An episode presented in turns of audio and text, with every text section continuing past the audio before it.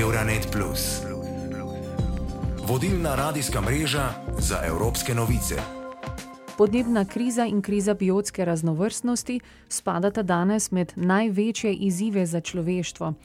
V luči prilagajanja na podnebne spremembe, zlasti globalnega segrevanja ozračja, je pomembno tudi, kako znamo upravljati z vodami, ki so odličen vir blaženja le tega. Tudi Slovenija se vključuje v reševanje podnebne krize preko upravljanja in gospodarjenja s tem velikim naravnim bogatstvom. Suzana Stražar, direktorica Urada za upravljanje z vodami na Direkciji za vode, ki deluje v okviru Ministrstva za okolje in prostor, Uvodoma pove, da se program ukrepov upravljanja voda v okviru zakona o vodah novelira in po potrebi dopolni na vsakih šest let. Na zadnje se je to zgodilo lani. V luči prilagajanja podnebnim spremembam vsebuje aktualen program tri glavne postavke. Priprava večletnega podrobnejšega programa na področju načrtovanja vodne infrastrukture za urejanje voda, potem je še en program informiranja in obveščanja strokovnih in splošne javnosti o upravljanju voda, ter tretji program speljava spodbud za geotermalne pare, vrtin in drugi ukrepi, za ustavljanje negativnih trendov v termalnih vodonosnikih. Zdaj, najpomembnejši je tale prvi priprava večletnega podrobnejšega programa. To je definiranje ukrepov, ki se nanašajo na varstvo pred škodljivim delovanjem voda, na ohranjanje in uravnavanje vodnih količin, vključno z ukrepi za zmanjšanje posledic hidroloških suš in ukrepi, ki se nanašajo na vzdrževanje voda. Urad za upravljanje z vodami v sodelovanju z drugimi ministrstvi in pristojnimi deležniki aktivno sodeluje tudi pri informiranju in izobraževanju strokovne in splošne javnosti na področju upravljanja z vodami. Med drugim sodeluje tudi v bilateralnih projektih, pri čemer se osredotoča tudi na mlajše generacije, zlasti pri ozaveščanju ustreznega ravnanja v času poplav. Stražarjeva povdari, da se urad kljub uspehu pri doseganju zastavljenih ciljev srečuje z zamudami. Vedno se srečamo tudi pri nas na problematiko resursov, tako finančnih kot kadrovskih. Močno nas skrbi, ali bo trend sled prihajajoče krize ki je posledica ukrajinske vojne, lahko ustal vsaj na tej ravni, kot si mi želimo, da bi lahko te omenjene cilje dosegli pravočasno, kajti klimatske spremembe so neizbežne in hitre. Zdaj so pred nami podražitve in problematika draginje, ki nam podira finančne konstrukcije projektov. Uspeli smo zagnati preko 60 projektov poplavne varnosti in iz načrta za okrevanje in odpornost pričakujemo še naslednjih 310 milijonov evrov, ki jih bomo lahko izkoristili za te namene namene. V okviru Evropskega zelenega dogovora se je Slovenija zavezala tudi k uresničevanju strategije za biotsko raznovrstnost. Cilj je do leta 2030 obnoviti območje 25 tisoč km rek. Suzana Stražar iz Urada za upravljanje z vodami še izpostavi nekaj glavnih aktivnosti na evropski ravni. Trenutno na direkciji Republike Slovenije za vode sodelujemo v timo štirih projektih. Najbolj celovit in eh, projekt državnega pomena je projekt Life It Natura. Temelji na povezovanju različnih deležnikov in sektorjev na podlagi tega, da bi prispevali k izboljšanju upravljanja na območjih Natura 2000 v Sloveniji. Tu se seveda fokusiramo na obvodni prostor. Projektne aktivnosti niso usmerjene le v ohranjanje narave, pokrivajo poleg tega tri glavne sektorje: kmetijstvo, gozdarstvo in upravljanje z vodami. Na trenutne kritične razmere na področju voda v Sloveniji so se pred kratkim odzvali tudi v Slovenskem društvu za zaščito voda. Vlado so pozvali k čim hitrejši odpravi trenutnih praks, k prehodu na obnavljanje rek ter vključevanju in upoštevanju vseh relevantnih strok pri načrtovanju, pri čemer je po njihovem mnenju še posebej pomembno sodelovanje neodvisnih strokovnjakov z področja ekologije.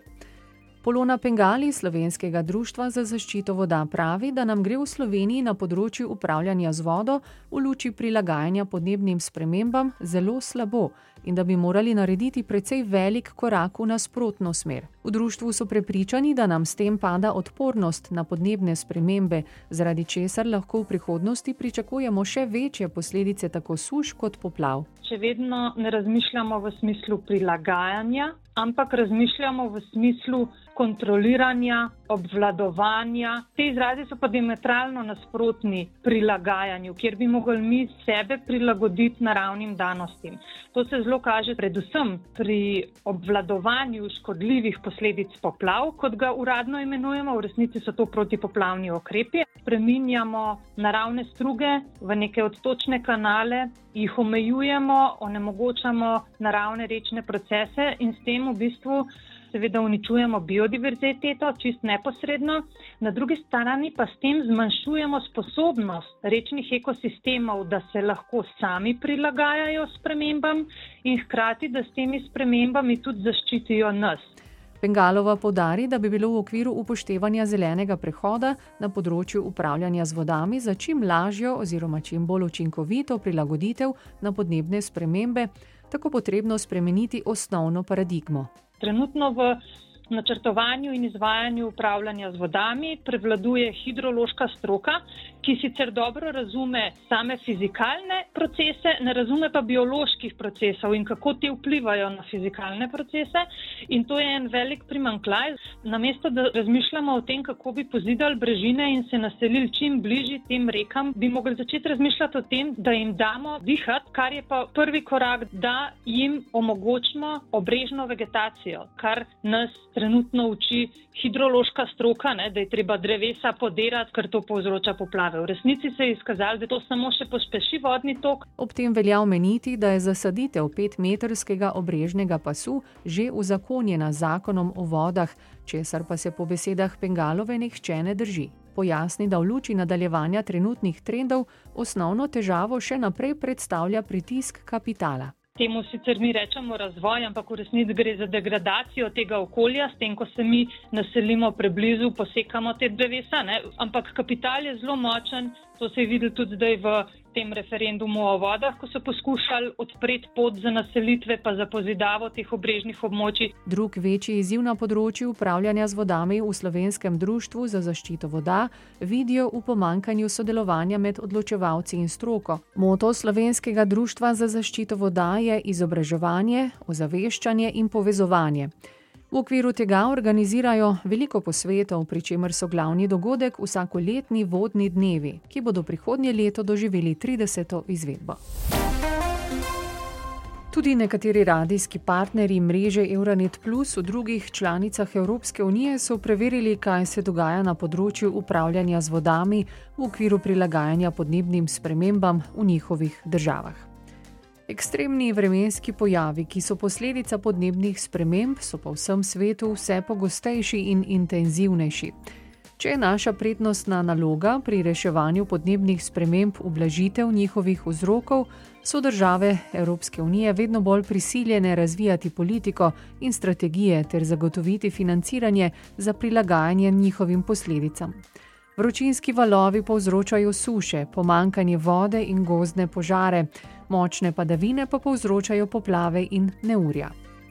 Po poročanju službe Copernicus Climate Change Service je bilo letošnje poletje najbolj vroče poletje v Evropi. Lansko leto pa so države kot sta Nemčija in Belgija utrpele katastrofalne poplave.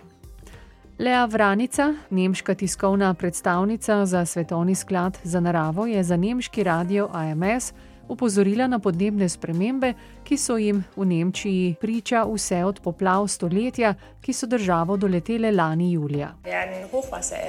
Še naprej bomo doživljali poplave, suše, gozdne požare. Na to moramo biti pripravljeni. Nemčija se je že otoplila za 1,6 stopinje. Trenutno gremo proti povečanju za 3, 4, 5 stopinj. Dele zemlje delamo neprimerne za bivanje. Na vprašanje, kaj stane več, okoljevarstvena kriza ali zaščita okolja, pa Lea odgovarja takole. Zvezdna agencija za okolje je izračunala, da ena tona CO2 povzroči okoljsko škodo v višini 195 evrov. Leta 2020 je Nemčija izpustila skupno 644 milijonov ton, kar ustreza okoljski škodi v višini več kot 125 milijard evrov. To je nesorazmerno s tem, koliko nastane širitev obnovljivih virov energije ali postopna opustitev premoga. To se splača ekonomsko in se splača družbeno in človeško. Suše in pomankanje vode, ki ukrepi konkurenca med kmetijstvom, industrijo in drugimi sektorji, Prav tako začenjate vplivati na kakovost življenja mestnih prebivalcev, hkrati pa prispevate k socialno-demografskim razlikam v družbi. Naš bolgarski partner BNR je v pomenu varovanja voda in okolja povprašal Jordanko Dineva iz Bolgarske fundacije za biodiverziteto. Ljudje res lahko poskrbimo za mokrišče in čistočo okolja nasploh. Naprimer, ko izbiramo čistila v naših domovih, lahko pogledamo na etikete in izberemo tiste, ki nimajo oznake škodljivo ali nevarno okolju. To so močnejše kemikalije, ki končajo v naših odtokih in vodnih telesih. Izberemo lahko okolju prijaznejše pripravke. Tudi profesorica Marusja Ljubčeva iz Bolgarije, nekdanja poslanka Evropskega parlamenta med letoma 2007 in 2019 ter 2013 in 2014 je povdarila pomen človekove odgovornosti za ohranjanje čistega okolja. Pričinite za zamrzavanje so svezani s človeško dejavnostjo. Vzroki za onesnaženje voda so povezani s človeško dejavnostjo. Tako moramo organizirati zakonodajno, politično, izobraževalno, socialno in gospodarsko dejavnost, da bo ta proaktivno usmerjena v zmanjševanje količin odvrženih odpadkov. Na drugem mestu so vsi regulativni mehanizmi, ki so povezani z zbiranjem teh odpadkov. Najboljši model je ločeno zbiranje, da jih vključimo v sistem krožnega gospodarstva. Z odpadnimi materijali bogatimo svoje vire.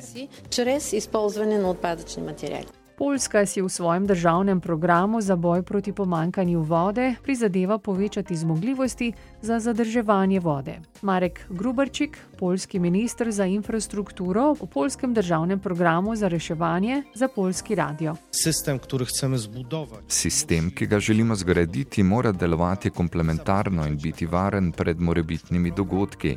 Gre za program, katerega namen je povečati sedajnih 7 odstotkov zadržane vode na polskem na 15 odstotkov. Tako je celoten investicijski paket vezan na gradnjo velikih in malih zadrževalnikov, pa tudi kmetijskih melioracij na področju dolinskega in kanalskega odvodnjavanja. Naslednje leto moramo dokončati to investicijo, saj je ključna. Dokončanje celotnega projekta do leta 2027 bo znašalo 10 milijard polskih zlotov. Seveda pa morajo biti tukaj izpolnjeni vsi kriteriji v zvezi s poročili o vplivih na okolje.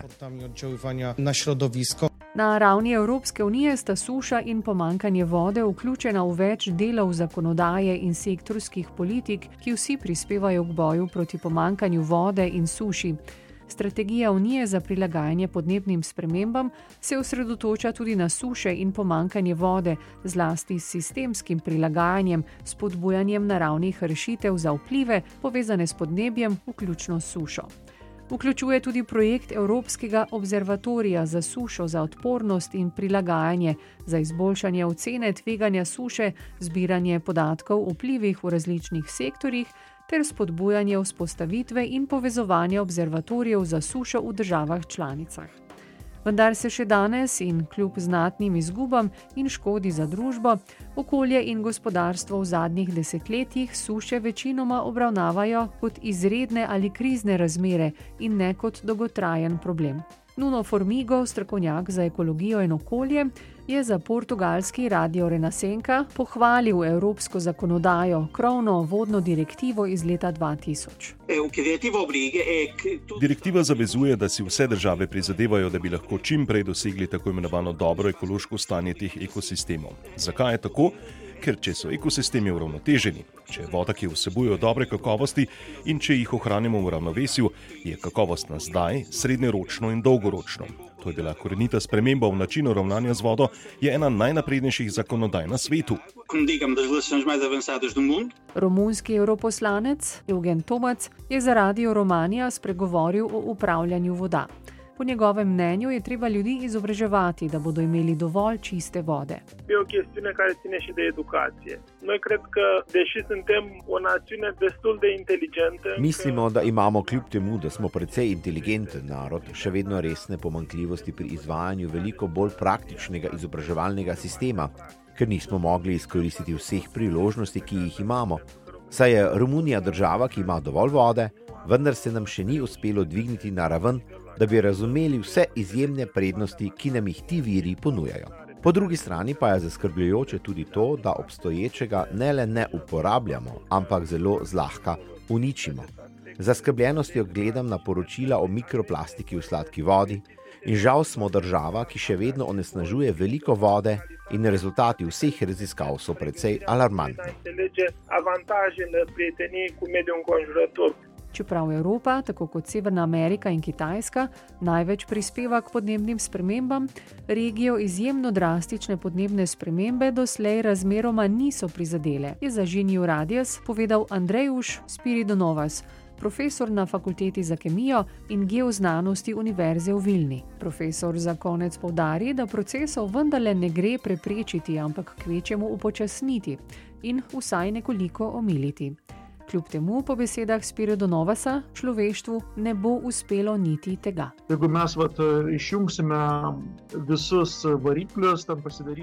Tudi če ugasnemo vse motorje in postanemo sveti kot papež, se bodo ti ekstremni dogodki nadaljevali, ker smo že naložili CO2 v ozračje. Po tisoč letih bo naravno izginil. To pomeni, da bo naslednjih tisoč let tako slabo, kot je zdaj. S sežiganjem več CO2 lahko stvari samo poslabšamo. Če se skotalimo po hribu navzdol, in poleg tega še pritisnemo na stopalko za plin, prepad ne bo izginil kar tako, da ga ignoriramo. Toda velika večina ljudi se odloči, da to ignorira in o tem ne razmišlja. Euronet Plus za boljše razumevanje Evrope.